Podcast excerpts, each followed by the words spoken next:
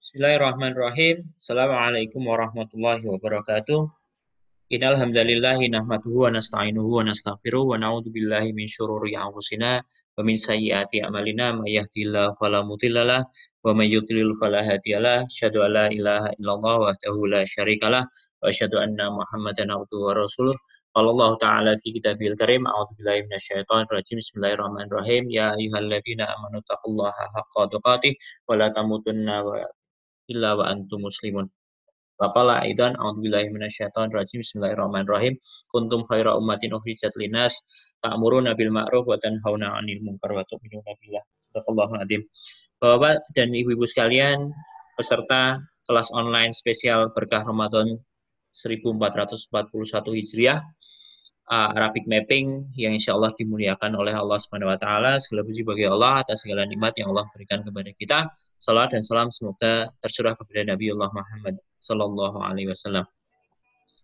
Alhamdulillah hari ini kita bertemu kembali di pekan kedua penyelenggaraan uh, kelas bahasa Arab menggunakan metode Arabic Mapping yang insya Allah uh, dibimbing oleh Ustadz Abdurrahim Al-Hiwari, penulis buku Arabic Mapping Ya, insya Allah kita akan selenggarakan kelas ini setiap hari Senin hingga Jumat pukul 6 hingga 7 pagi, insya Allah selama satu jam uh, setiap harinya akan diselenggarakan kelas melalui Zoom meeting yang Bapak dan Ibu dapat akses melalui uh, komputer atau uh, gawai Bapak dan Ibu sekalian.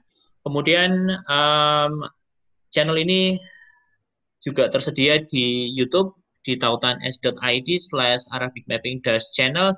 Juga podcast tersedia uh, di s.id slash Arabic Mapping Dash Podcast yang bisa Bapak Ibu dengarkan melalui aplikasi Spotify. Alhamdulillah Ustadz Abdurrahim sudah bersama kita di pagi hari ini. Assalamualaikum Ustadz.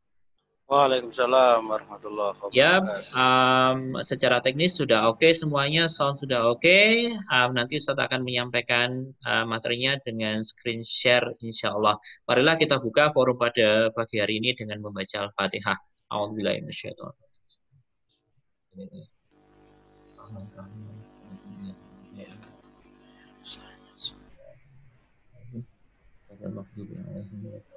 Pada Ustadz Abdurrahim, kita punya waktu sampai jam 7 kurang uh, seperempat. Insya Allah nanti akan kita lanjutkan dengan tanya jawab. Bapak dan Ibu sekalian dapat uh, menyampaikan pertanyaan melalui chat. Silakan disampaikan di sana. Insya Allah nanti akan direspon oleh Ustadz Abdul Rahim. Kepada Ustadz, disilakan. Baik, syukran kasiro, Ustadz Jarwo. Assalamualaikum warahmatullahi wabarakatuh. Bismillahirrahmanirrahim. La hawla wa la quwata illa billah. Istiqailah Iza para peserta yang dirahmati Allah Subhanahu wa taala. Alhamdulillah kita lanjutkan pertemuan kita untuk yang kesekian kalinya. Hari ini saya tidak menambah beban materi karena dua peserta ujian cukup mewakili dari representasi daya jangkauan dan capaian yang sudah terserap sehingga saya perlu melakukan review atau projaah atau mengulang atau dalam tradisi pesantren dikenal dengan takror ya pengulangan materi.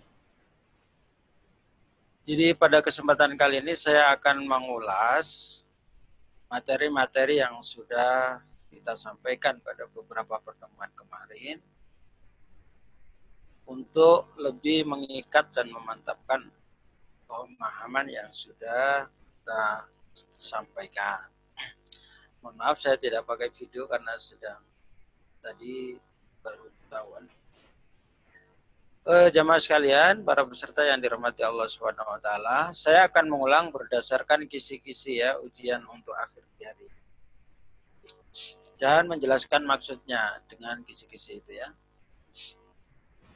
Jadi di kisi-kisi itu atau menjadi monitoring materi dalam bahasanya itu kan peserta mestinya sudah menguasai kelompok kata kerja berdasarkan isolasi dan rubai. Apa yang dimaksud dengan kisi ini? Dalam pemahaman kita itu sudah terbangun ya mafhum bahwa kata kerja dalam bahasa Arab itu maksimal terdiri dari empat huruf asli dan minimal terdiri dari tiga huruf asli. Maka dikenal dengan sulasi dan rubai. Sulasi itu maksudnya kata kerjanya di fi'il mati terdiri dari tiga huruf. Ya. Fa'ala. Minimal. Jadi kata kerja bahasa itu tidak ada yang kurang dari tiga huruf. Pasti. Kalaupun nampaknya cuma dua huruf, itu pasti ada terselip satu huruf yang tersifat. Itu.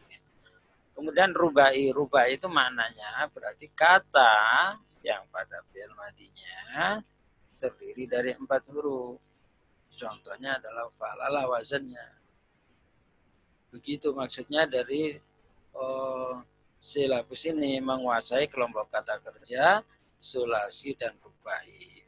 Jadi mafhumnya sulasi itu adalah kata kerja yang pada fi'il madinya atau kata kerja lampau terdiri dari tiga huruf asli tiga ya. Kemudian kalau rubai berarti kata kerja yang pada fi'il mudhari eh, fi'il madinya terdiri dari empat huruf asli. Di antara ketiga dua kelompok besar ini kemudian terbagi ada yang sulasi mujarrod dan ada yang rubai mujarrod. Makna mujarrod itu bebas dari huruf tambahan pada fi'il madinya. Okay. Jadi yang misalnya sulasi mujarrod. Ya. Sulasi mujarrod itu maknanya kata kerja yang pada fi'il madi atau kata kerja lampaunya terdiri dari tiga huruf asli. Contohnya adalah pada wajan fa'ala. Tidak ada huruf tambahan. Maka itu disebut sulasi mujarrod. Ada enam pola atau enam wazan.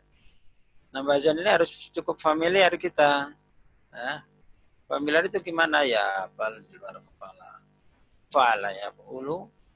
Tentunya karakter fa'ala ya ini nyambung dengan amr dan nahinya. Sebenarnya kan sama karakternya. Misalnya fa'ala yaqulu qul la taqul gitu kan. Fa'ala yaqulu. Jadi yang dilihat adalah di mudhari'nya karakter amarnya gitu ya. Jadi fa'ala yaqulu uful la taqul. Fa'ala yaqilu if'il la taf'il.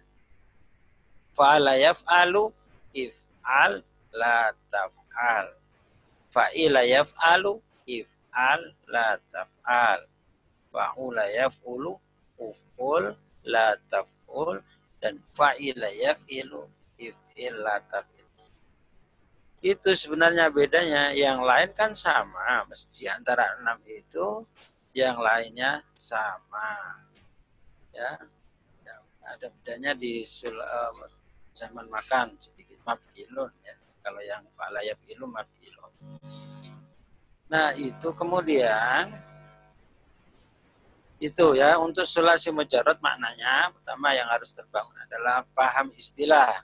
Sulasi mujarrad adalah kata kerja yang fi'il madinya ada tiga huruf.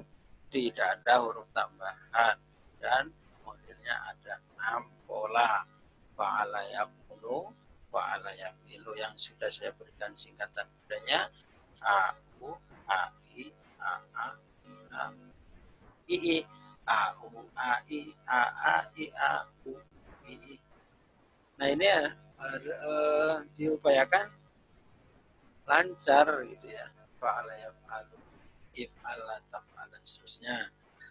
Itu sulasi mujarrad. Kemudian yang rubai mujarrad rubai mujaratan tadi maknanya kata yang pada fi'il madinya kata kerja lampau terdiri dari empat huruf asli.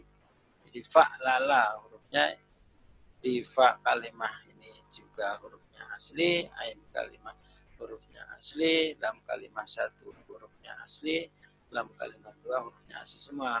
Polanya hanya ada satu fa lala, yufa Nah itu yang dimaksud dengan kisi-kisi memahami kelompok kata kerja sulasi mujarod dan rubai mujarod.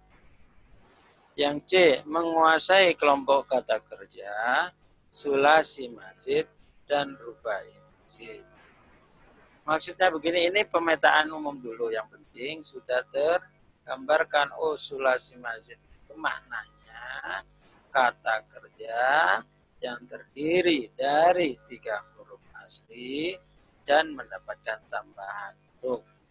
Itu namanya sulasi mazid. Ya.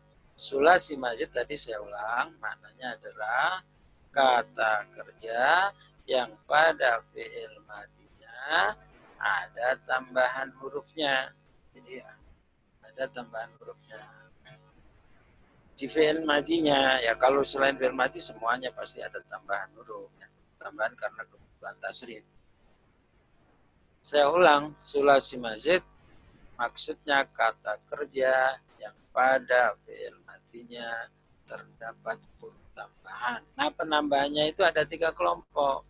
Tambahan satu huruf, bi harfin wahidin, tambahan dua huruf bi harfain ini dan tambahan tiga huruf bi salah sati akhwin. Jadi maksimal penambahan huruf pada kata kerja lampau atau fi'il madi untuk fi'il sulasi tambahan maksimalnya tiga. Sehingga nanti di fi'il matinya ada sejumlah enam huruf istaf'ala ini kan enam huruf. Uh, hamzah ya hamzah sin ta.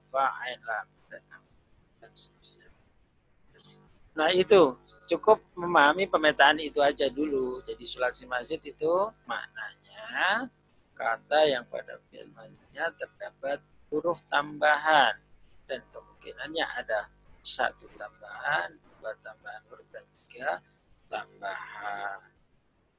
Nah, untuk rubai masjid, rubai masjid itu hanya ada satu tambahan. Ya, hanya ada satu tambahan huruf. tidak ada rubai masjid tambahan dua huruf. Kalau tambahan dua huruf nanti empat tambah dua jadi enam. Kalau tambahan tiga huruf berarti empat tambah tiga jadi tujuh. Anda ada. Ya, pokoknya kalau yang kelompok rubai hanya ada tiga tambah satu tambah Nah, itu yang dimaksud dengan kisi-kisi menguasai kelompok kata kerja sulasi masjid dan masjid. Pemetaan itu saja dulu. Nah, nanti ada sendiri tentang sulasi masjid, sulasi masjid tambahan satu huruf, polanya bagaimana. Sulasi masjid dengan tambahan dua huruf, apa saja polanya. Nanti di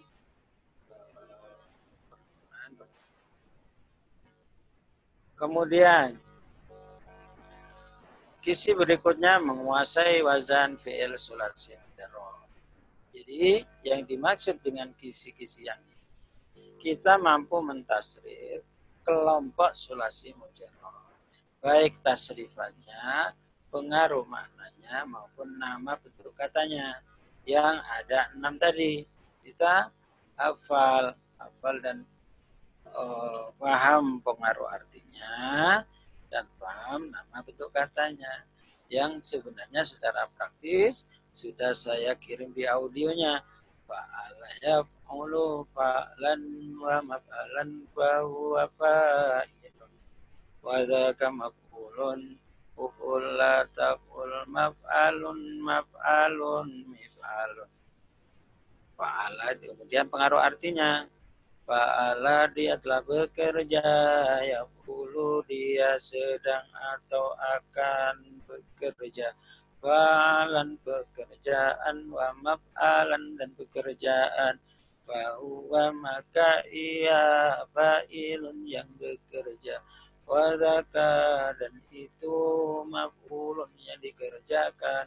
Pukul kerjakanlah, la takul jangan bekerja maf'alun maf'alun waktu atau tempat bekerja. Mif'alun alat bekerja.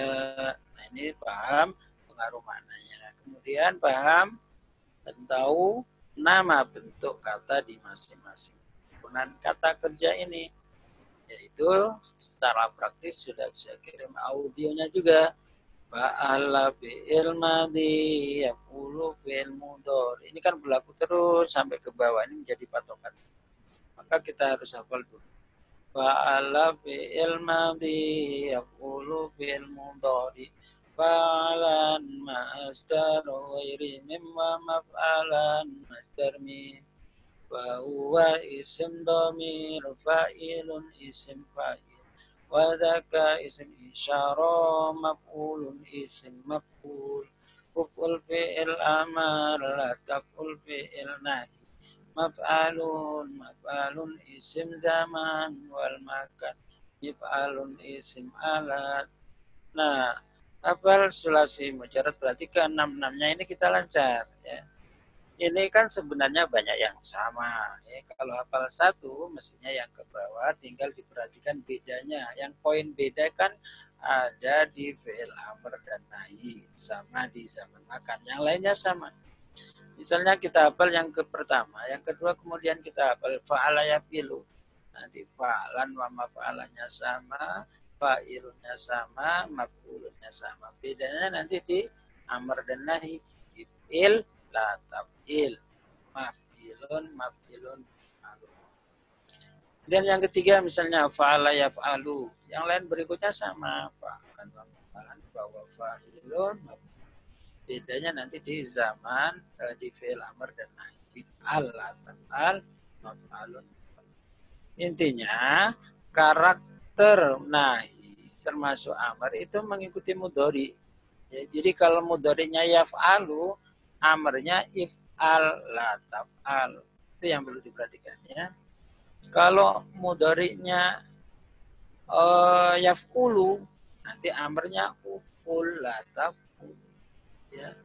Kemudian kalau mudoriknya yaf'ilu ini nanti amarnya if'il la itu yang perlu menjadi kunci-kunci yang harus diketahui sehingga kita mudah untuk Berkat enam pola wazan sulasi mujarrad ini. Nah, itu ya untuk memahami kelompok tasrif sulasi mujarrad dari bidang sohi yang mengikuti pola bab satu dan sampai enam. Itu. Kemudian menguasai dasar-dasar pola kalimat atau jumlah. Ini Pertama, menguasai kriteria kalimat atau jumlah. Menguasai pembagian kelompok kata maksudnya ya. Menguasai pembagian irob dan tandanya. Menguasai ragam jenis kata, kelompok kata ya atau kalimat isim beserta potensi tanda irobnya. Menguasai ragam jenis kata fiil atau kalimat fiil beserta potensi irobnya. Apa yang dimaksud ini, uraian ini? Sebenarnya kan uraian itu cukup di sini. Nah, ini. Pertama, yang dimaksud dengan menguasai kriteria kalimat ya, atau jumlah. Ya jumlah itu pasti dia rangkaian kata. Minimal rangkaian dua kata atau lebih. Itu mudahnya begitu ya. Kita mudahkan saja jumlah itu atau kalimat adalah rangkaian kata semua jumlah. Yang intinya dia bukanlah sebuah kata yang berdiri sendiri. Dia pasti ter, terangkai lebih dari satu kata. Yang penting membentuk makna. Ada, ada dua rangkaian kata tapi maknanya nggak tertentu ya bukan. Misalnya sebuah kata tiba-tiba hadoro hadoro ya kata tapi nggak ada tidak ada maksud karena tidak ada hubungan dengan kata yang membentuk sebuah kalimat. Baik, jadi kemudian kita tahu bahwa kalimat atau kalam atau itu dia pasti terbentuk dari salah satu di antara tiga kelompok kata yang kita kenal dengan isim, fi'il, huruf isim itu kata benda atau kata sifat mudahnya ya jadi secara mana isim itu kata benda atau kata sifat fi'il itu kata kerja. Kita bayangkan gitu saja mudahnya ya. Kemudian huruf kata selain fi'il dan isim dia penjelas makna bukan isim dan isim dalam kalimat atau fi'il dengan isim. Maka untuk kalimat huruf bolehlah kita kemudian memberikan istilah kalimat huruf kata bantu menjelas atau kata yang bertugas menjelaskan makna kata sebelum dan sesudahnya. Itu nah dari tiga kelompok kata isim fi'il kita harus tahu pemetaannya bahwa yang huruf itu semuanya mabni mabni itu sebagaimana apa adanya dia lama mengalami perubahan atau tidak mengalami i'rab perubahan punya akhir kata enggak ada sedangkan untuk isim ini ada dua kemungkinan. Ada yang mabni, ada yang mu'rab. Ya. Jadi isim nanti ada fakta isim yang mabni. Ada fakta isim yang mu'rab. Hal yang mendesak untuk langkah awal kita ketahui adalah isim mu'rab. Isim-isim yang punya kemungkinan berubah bunyi akhirnya. Kita ingat ini kata kunci bahwa di dalam bahasa Arab itu jabatan kata menentukan status i'rab atau status perubahan di akhir kata. Ya. Karena adanya i'rab itu jadi sebuah kaidah-kaidah yang harus kita perhatikan ketika nanti kita sudah mengenal jabatan kata. Karena masing-masing itu i status irobnya. Nanti ada kelompok jabatan kata yang harus dibaca ropa ya. ya. Nanti ada kaidah jabatan kata yang harus dibaca ropa. Ini ada tujuh. Fa'il, fa'il, baca, khobar, dan seterusnya. Nanti ada kelompok jabatan kata yang harus dibaca nasab. Ada kelompok jabatan kata yang harus di Nah, untuk kisi-kisi awal ini paling tidak kita, kita sudah kebayang bahwa nanti isim itu ada yang mabni, ada yang mu'rob. Pada kasus isim yang mu'rob, maka menjadi hal yang desak atau penting kita mengenal jenis dari kelompok isim yang mu'rob tersebut mulai dengan isim rod, isim uh, makus, maksur, tasnia, jamak mutakar salim, jamak mana salim, jamak taksir, isim dan asmaul khamsah dikaitkan langsung dengan potensi perubahannya atau tanda hurufnya. Jadi jenis kata pada kelompok isim huruf ini kita kaitkan langsung dengan kemungkinan i'rab yang ada tiga rokana subjek beserta tanda perubahannya.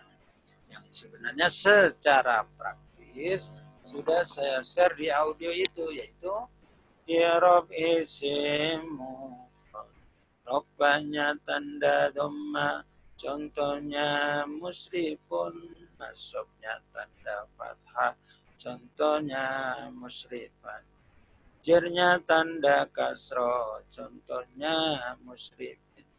Nah, kemarin dalam presentasi saya buatkan yang uh, tidak uh, menjadi sebuah kata, uh, tidak menjadi sebuah kalimat. Begini. Biar. Nah.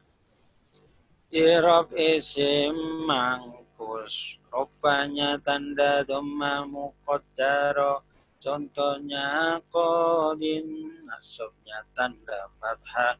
Contohnya kodian. Jernya tanda kasro, contohnya kodin. Irob isim maksur, rofanya tanda doma muqaddaro, contohnya al-fata, nasabnya tanda fathah muqaddaro, contohnya al-fata.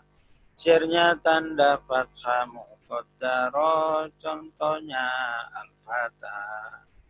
Nah itu. Kemudian isim tasnia, isim yang menunjukkan makna dua. Bagaimana potensi irobnya dan tandanya. Irob isim tasnia, rofanya tanda alif, contohnya musrifani, nasabnya tanda ya, contohnya musrifaini. Jernya tanda ya, contohnya musrifaini. Itu isim tasnia isim yang menunjukkan makna dua. Kemudian jamak mudakar salim, jamak yang beraturan, jamak yang menunjukkan untuk makna laki-laki, baik orang, profesi orang, ataupun sifat orang laki-laki. Syaratnya demikian untuk jamak mudakar salim. Jamak mudakar salim, jamak yang menunjukkan untuk orang laki-laki atau sifat orang laki-laki atau profesi seorang laki-laki dan lain-lainnya yang itu memang menunjukkan untuk laki-laki khusus. Maka bagaimana keadaan i'rabnya serta tandanya sudah secara praktis ya sudah kita sampaikan. I'rab jamak mudzakkar salim. Rupanya tanda wawu. Contohnya musrifuna. Nasabnya tanda ya. Contohnya musrifina Jernya tanda ya contohnya musrifina. I'rab jamak muannas salim. Jamak muannas salim. Jamak yang menunjukkan untuk kata yang muannas salim yang beraturan. Apa sih maksudnya salim beraturan? Beraturan itu model jamaknya sesuai dengan pola. Jamaknya itu sudah sesuai dengan rumus penjamaan gitu ya jadi kalau penjamaan jamak mana ketika rofa ya berarti tambahi alif dan tak yang terbuka ini dan pakai doma. Jamak mudakar salim, pola penjamaannya bagaimana? Sebuah katanya ditambahi wawu dan nun kalau rofa. Iya dan nun kalau nasab. Ya dan nun kalau jer. Kalau dimudahkan berarti jamak mudakar salim itu titik-titik una, titik-titik ina, titik-titik ina atau lebih langsung pada poin penambahannya una ina ina gitu ya. Muslimuna muslimina muslimina gitu ya. Untuk jama mana salim itu titik-titik atun titik-titik atin titik-titik atin banyak atun atin atin gitu ya misalnya dari kata musrifun untuk menunjukkan beberapa musrifah, pembimbing perempuan tinggal musrifatun, musrifatin, musrifatin. Itu jamak muannas salim. Ya rob jamak muannas salim. Rofanya tanda dhamma, contohnya musrifatun. Tanda kasro, contohnya musrifatin Cernya tanda kasro, contohnya musrifat. Nah, yang terakhir jamak taksir untuk konteks jamak. Ada istilah jamak taksir. Nah, ini jamak yang memang kemudian membutuhkan banyak kita kenal. Karena jamak taksir itu jamak yang tidak beraturan. Tidak ada rumusan khasnya untuk membuat pola jamak taksir. Karena sifatnya akan sehingga kita cukupkan mengenal jamak taksir itu dari buku-buku atau buku kamus atau sudah dikasih tahu. Karena ragamnya sangat banyak. Misalnya kita pun jamaknya Rasulun jamaknya Rusul. Nabiun jamaknya Ambia. Begitu ya. Pintu babun jamaknya abwab. Kolamun pulpen jamaknya akhlak. Tidak beraturan. Maka yang kita cukupkan kita kenal misalkan yang sudah kita ketahui setelah lihat kamus, sudah kita ketahui setelah dikasih tahu oleh teman atau ustaz. Itu model jamak taksir. Biasanya di dalam kamus munawir, semua kata-kata yang jamaknya itu jamak salim akan ditampilkan pada kata itu juga. Itu misalnya di di kamus munawir kita buka kata misalnya kolamun nanti dia akan kasih tahu jim gitu ya namanya jamaknya akla babun abwab baitun rumah buyutun itu namanya jamak taksir nah model potensi irobnya sama dengan isim mufrad. Irob jamak taksir rofanya tanda doma contohnya juyusun nasabnya tanda fathah contohnya juyusan Cernya tanda kasro, contohnya juyusin. Nah, yang berikutnya dikenal dengan istilah isim ghairi munsorif. Isim yang tidak menerima tanwin. Ya, kemarin sudah saya jelaskan, isim ghairi munsorif yang ini itu ada sekian karakternya atau kriteria isim-isim yang masuk kategori isim ghairi munsorif. Isim yang tidak bisa menerima sehingga kita tahu potensi robnya. Irob isim rimun sorry. Robanya tanda dhamma. Contohnya makatun. Nasubnya tanda fathah. Contohnya makata. Jirnya tanda kasro. Contohnya makata. Terakhir asmaul khumsa. Asmaul khumsa isim-isim yang lima. Itu adalah pola. Bukan pola ya. Itu adalah cuma itu. Gitu tidak ada yang lain yaitu abuka, akhuka, hamuka, fuka, dumalin. Kalau itu sudah hafal berarti sudah bisa mengidentifikasi asmaul khamsah. Karena ya huruf kalimatnya itu aja. Hanya bisa kanya diganti yang lain. Ya. Maka ini asmaul khamsah ya dihafal aja. Abuka, akhuka, hamuka, fuka, dumalin. Cuma kanya sekali lagi tidak harus k, boleh kata yang lain. Yang penting bisa disandarkan. Misalnya aku kah bapakmu. Kalau tidak pakai bapakmu, bapaknya Zaid boleh. Aku Zaidin. Misalnya bapaknya guru. Aku muallimin atau aku darisin dan seterusnya. Kayak ini kita hafalkan yang pakai K aja biar mudah. Buka, huka, hamuka, fuka, malin, asmaul. Bagaimana potensi perubahan bunyi akhirnya? Irob asma ul khamsa. Rofanya tanda waw. Contohnya abuka. Asobnya tanda alif. Contohnya abaka. Cernya tanda ya. Contohnya abika. Itu yang kita maksud dengan mengenal jenis kelompok kata isim beserta kemungkinan irob dan tandanya. Itu. Itu kisi-kisi yang mesti terkuasai di dalam ujian. Ini sudah sampai sini berarti. Kan? Sudah sampai sini. Yang saya refresh tadi ya. Sampai sini. Nah, yang terakhir ini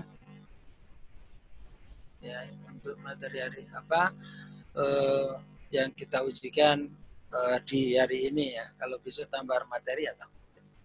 Ya sesuai dengan jadwalnya.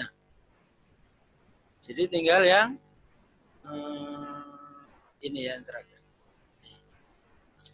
Menguasai uh, ragam fiil beserta potensi robnya. Ragam fiil beserta fiil kan ada tiga ya. Fiil kan cuma ada tiga. Fiil madi, fiil mudori, dan fiil amar hukum asal ketiga-tiganya ini penting kita pahami betul. Fi'il madi maftuhul akhiri abadan. Fi'il madi dibaca fathah akhirnya abadan selamanya. Fi'il mudari marfu'un abadan dibaca rofa selamanya hatta dakhala alaihi nasibun sehingga masuk kepadanya amil nasab atau faktor yang menasabkan au jazimun atau faktor yang menjazim jadi hukum asalnya mudori dibaca rofa kalau tidak ada faktor yang menasabkan dan faktor yang menasabkan. Oleh karenanya nanti menjadi penting kita mengenal apa saja amil yang menasabkan, apa saja amil yang menjazmkan. Yang ketiga dari kelompok fi'il adalah fi'il amr. Ingat konsep dasar hukum asal fi'il amr majazumun dibaca jazm abadan selamanya yang mana yang namanya fi'il amr itu jazm Nah, begitu. Nah, itu ya mengenal pola-pola fi'il. Beserta kemudian ini beserta i'rabnya.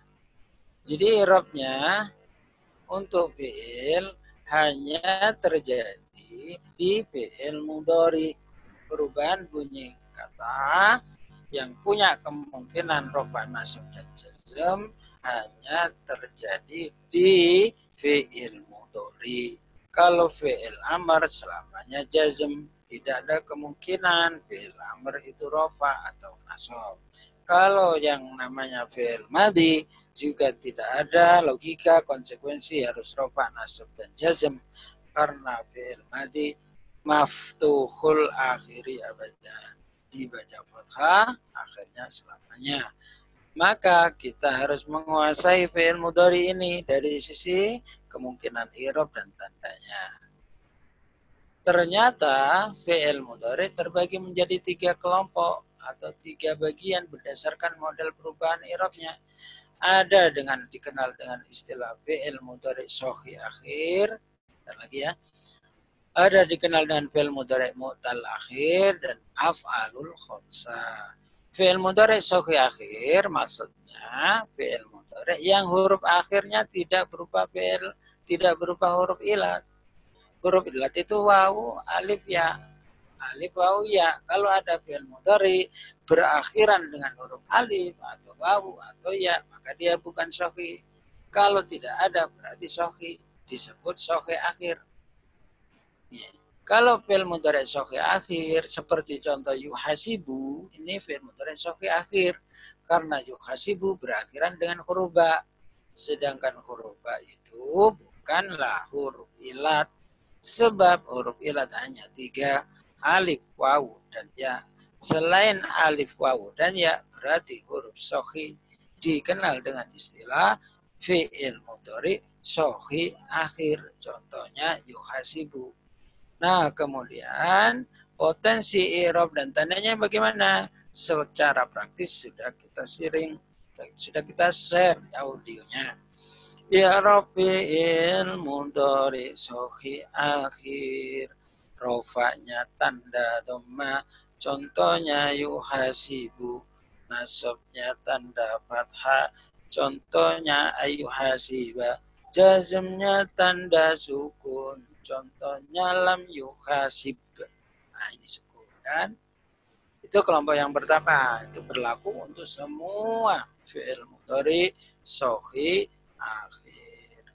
Yang kedua, fi'il mudhari mu'tal akhir. Berarti mananya berkebalikan dengan yang soki akhir. Fi'il mudhari mu'tal akhir itu berarti fi'il mudhari yang akhirnya berupa huruf ai, huruf ilat. Huruf ilat itu alif wawu ya. Nah, ini contohnya yang akhirannya ya, yakdi. Ini contohnya huruf fi'il mudhari mu'tal akhir berakhiran dengan huruf ya maka dia ada keadaan i'rabnya yang berbeda dengan fi'il mudhari sohi akhir. Drillnya begini. I'rab fi'il mudhari mutal akhir. Rofanya tanda dhamma muqaddaro. Contohnya yakdi. Nasabnya tanda fathah. Contohnya ayat dia jazmnya buang huruf ilat. Contohnya lam yakdi. Nah, huruf ilatnya hilang. Buang. Jadi yakdi pendek bacanya. Kalau di eh, rofa bacanya ini tetap panjang. Yakdi. Karena huruf ilatnya tetap ada. Tidak di itu uh, mu'tal akhir. Yang terakhir af'alul khamsa fi'il mudhari af'alul khamsa berarti mengenal kelompok-kelompok fi'il mudhari yang masuk kategori af'alul khamsah. Untuk mengenalnya, maka wazan-wazannya kita kuasai. Gimana menguasainya? Diingat-ingat atau dihafal. Ini polanya begitu. Af'alul khamsah. Yaf'alani, taf'alani, yaf'aluna, taf'aluna. Maka semua fi'il mudhari yang terkelompok pada pola ini masuk kategori af'alul khamsah Misalnya yaktubani. Ya. yaktubani taktubani yaktubuna taktubuna taktubina nah, itu afalul khamsah atau misalnya di wazan yang lain yastaghfiru yastaghfiru berarti kalau di wazan di kelompok afalul khamsah berarti yastaghfironi tastaghfironi yastaghfiruna tastaghfiruna tastaghfirina nah itu afalul khamsah afalul khamsah kalau ropak polanya tafalani yafaluna tafaluna tafalina. Kalau nasab buang nun. Misalnya kemasukan an ayab ala antaf ala ayab alu antaf alu antaf ali. Dan yang jazm lam yab ala lam tab ala lam yab alu lam tab alu lam tab alu. Maka menjadi hal yang mutlak kita mengenal pola-pola af'alul khamsah ini untuk kemudian menjadi patokan kita mendeteksi sebuah kata masuk di kelompok af'alul khamsah. Kalau sudah tahu, maka kita hubungkan dengan potensi perubahan irob dan tandanya. Di irob khamsah, rofanya nunnya tetap. Contohnya yadkhulani, nasobnya nun dibuang. Contohnya ayat khulan jazmnya nun dibuang contohnya lam yatula nah itu ya untuk fisiksi yang saya share dari beban uh, talakinya kita ya. ini yang dimaksud menguasai ragam jenis kata fiil atau kata kerja atau kalimat fiil beserta potensi irobnya. Yang terakhir menguasai kalimat huruf dan perannya dalam jadi ini sekedar cukup mengenal dulu saja, sekedar cukup mengenal nama uh, jenis-jenis hurufnya ya. Huruf jar sudah saya share juga di audio. Huruf jar ini perannya kan mengejarkan isim di depannya. Dia sangat penting ya, semuanya penting ya. Huruf jar ini penting mendesak ya, ada penting kan ada penting besar dan penting masih perlu ditunda nanti penting mendesak karena huruf jar ini selalu sering ada dan selalu muncul dalam karya-karya tulis atau di kitab-kitab. Kita mengucapkan sesuatu mesti membutuhkan huruf jar. Mulai dari min ila ya. Audionya sudah kita kirim ya. Huruf jari adalah min ila anala fi rubba kali bi huruf qasam al-tauhid minal madrasati adabi anil islami anil hayati kauni. Kemudian mengenal amil nasob maksudnya amil nasob wasif amil amil yang menasab pada ini tidak hanya secara suaranya ya terbayang tulisannya An-nawasib amil-amil yang menasabkan fil mudari adalah an lan idzan kailam kailam juhud hatta jawabil fa'i wa jawabil wawi wa jawabi au. Nah yang berikutnya jawazim amil-amil yang menjazmkan karena dia perannya merubah keadaan fil mudari harus dibaca jazm. Nah, audionya sudah kita kirim. Al Jawazim ya. Amil-amil yang menjazmkan.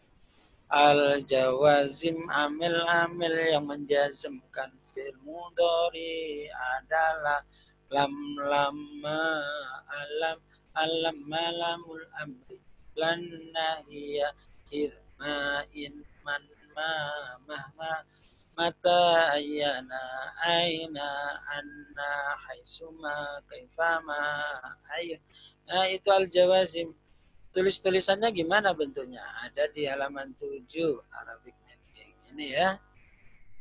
Ini bentuknya. An lan ida an nawas. Yang al jawazim lam lama alam alam alama alam. Dan seterusnya. Kemarin sudah kita bahas beserta contoh-contoh yang untuk fi'il mudhari di sini. Nah, ini. Min ila an ala fi rubba kalibi huruful qasam wa bita.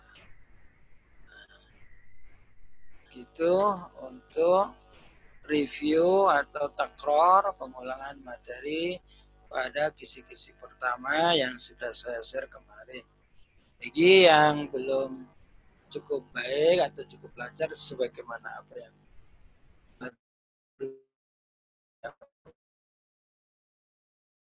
harus terkuasai dengan baik ya. pos yang harus terkuasai dengan baik sebab ketika nanti masuk pada tema lanjutannya akan menjadi kendala kalau poin-poin tadi itu tidak terkuasai dengan memadai. Baik, begitu saya kira untuk hari ini kita mengulang materi agar lebih siap peserta dalam proses uh, ujian atau talakinya. Begitu saja, Bo. Baik, Ustaz. Oke, Bapak dan Ibu sekalian yang saya hormati, um, demikian review kisi-kisi menjelang ujian dari Ustadz Abdurrahim. Ustadz ada beberapa pertanyaan yang sudah masuk ke saya. Tadi kan dijelaskan beberapa VL ya, yang kemudian tadi ada hubungannya dengan bagaimana perubahannya dan lain sebagainya. Nah pertanyaan pertama, kalau VL nahi bagaimana Ustadz? Itu yang pertama. Kemudian yang ya. kedua, Assalamualaikum Ustadz, sulasi mujarot wazan 5 isim, filenya kenapa berbeda dengan wazan yang lain? Isim filenya ada banyak. Terima kasih. Ya, oke. Okay. Baik, saya akan share dulu.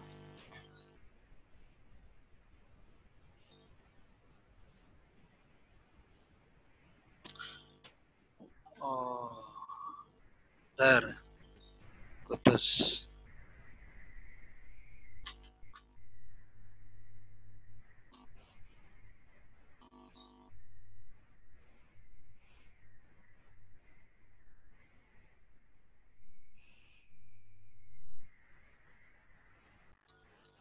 Baik, Assalamualaikum. Masih bisa di... Aman, Ustaz. Silakan. Oke.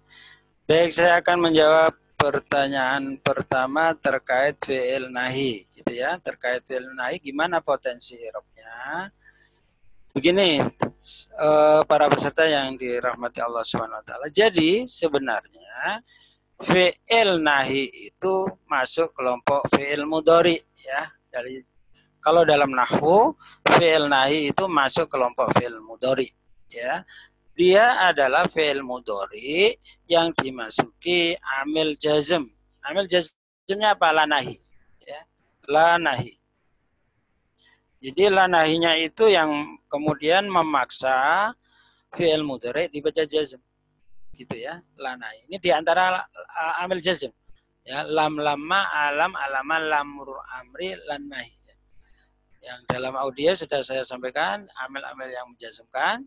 Al jawazim amil-amil yang menjazmkan. Fi'il mudhari adalah lam lamma alam alam malamul amri.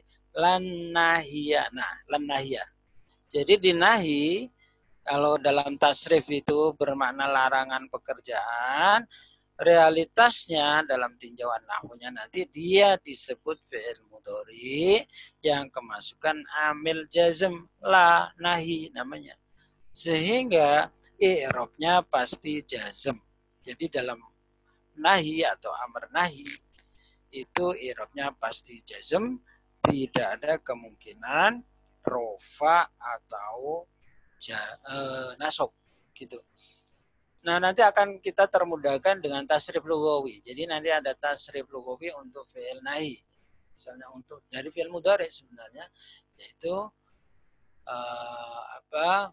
upul upula upulu upuli upula upulna latapul latapula latapulu latapuli latapula latapulna dan seterusnya. Nanti ada sesi sendiri ya kita memotret model-model fi'il uh, nahi ya. Nahi kalau di dalam tasrif tapi dalam ilmu nahu dia cukup dikenal sebagai fi'il mudhari yang dijazmkan oleh la nahiyah. Begitu ya. kemudian pertanyaan yang kedua terkait isim fa'il ya. Isim fa'il untuk fi'il sulasi mujarrad bab yang kelima ya bab yang kelima itu ada fa'ula yaf'ulu. Di fi'il sulasi mujarot pada pola yang kelima yaitu tepatnya wazan fa'ula yaf'ulu memang di dalam buku Arabic Mapping saya sajikan ke enam ya, ada enam kemungkinan. Ada fa'alun, fa'lun, fu'ulun, fu'alun, fa'alun, fa'ilun. Ini namanya sifatnya potensial. Ini sifatnya potensial untuk kata-kata yang masuk di pola fa'ula yakulu. Tetapi pada satu kata, dia pasti akan mengikuti salah satu di antara enam ini. Itu ya, misalnya contoh hasuna yahsunu ya. Misalnya pada kata faula Nanti masuk di kelompok isim fa'ilnya di, di fa'alun jadi hasuna yahsunu nanti hasanun gitu. Nah, sebenarnya secara istilah dia memiliki istilah sendiri disebut dengan sifat musabbah. Nah, dia bukan sebenarnya isim fa'il tapi sifat musyabbah. Bedanya apa? Sifat musabbah itu adalah karakter sifat yang melekat pada orang yang disifati itu dengan terus-menerus, bukan pekerjaan baru yang dilakukan. Contoh, Hasan Hasuna Yaksunu baik. Jadi orang itu baik, misalnya Ahmadu Hasan. Ahmad itu baik. Kata baik melekat pada Hasan itu terus menerus. Tidak ada perbuatan baru yang dilakukan. Melekat pada seseorang. Beda kalau isim fa'il. Isim fa'il kan menunjukkan pelaku pekerjaan atau orang yang melakukan pekerjaan. Misalnya, doroba, memukul. Dia disebut doribun karena telah melakukan pekerjaan memukul. Sifat dia saat dia telah melakukan pekerjaan memukul. Nah ini ada istilah sendiri ya untuk di uh, bab yang kelima disebut sifat musabah. Tapi untuk memudahkan memang ya cukup kita nalfailun ya untuk wazan isim.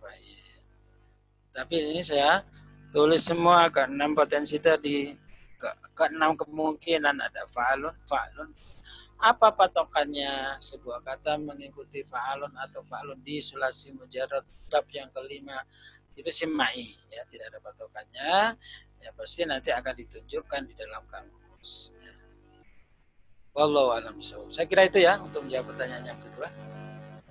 Baik, uh, dua pertanyaan sudah saya bacakan dan sudah direspon dengan sangat baik oleh Ustadz uh, Abdul Rahim, Bapak dan Ibu sekalian yang saya hormati, uh, mengingat waktu tampaknya kita tidak bisa uh, lanjutkan kembali untuk pertemuan hari ini. Insya Allah kita akan lanjutkan pada pertemuan besok. Kemudian informasi bagi Bapak dan Ibu yang membutuhkan buku Arabic Mapping, silakan dapat menghubungi uh, Ustaz Abdul Rahim atau dapat melakukan pengecekan di Tokopedia dengan mengetikkan Arabic Mapping pada uh, search box yang ada di Tokopedia.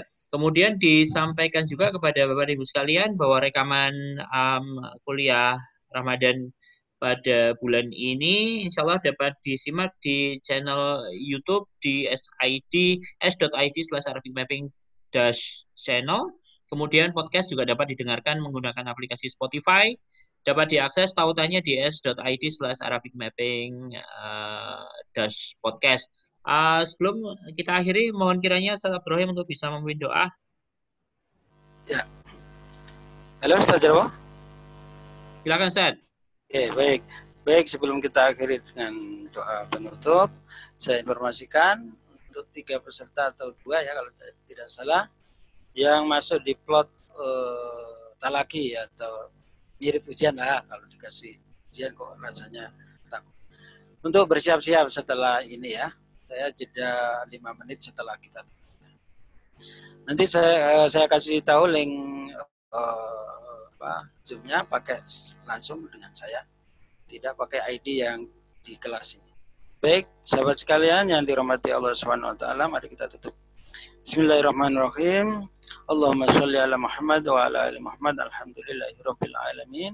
Allahumma nawwir qulubana bin علمك وهدايتك كما نورت الأرض بنور شمسك وقمرك أبدا أبدا اللهم سهل أمورنا وحسن مقاصدنا من حوائج الدنيا والآخرة اللهم أرنا الحق حقا وارزقنا اتباعه وأرنا الباطل باطلا وارزقنا اجتنابه اللهم سلمنا سلم إسلامنا وإيماننا سلم أولادنا وتلامذنا من آفات الدنيا والآخرة واجعلنا وإياهم أهل العلم والخير ولا تجعلنا وإياهم من أهل الشر والضير اللهم اغفر لنا ذنوبنا ولوالدينا كما ربيانا صغارا ربنا آتنا في الدنيا حسنة وفي الآخرة حسنة وقنا عذاب النار سبحان ربك رب العزة عما يصفون والسلام على المرسلين والحمد لله رب العالمين kurang lebihnya mohon maaf saya akhiri assalamualaikum warahmatullahi wabarakatuh Waalaikumsalam warahmatullahi wabarakatuh. Jazakallah khair, Ustaz Abdul Rahim. Semoga menjadi jariah panjenengan.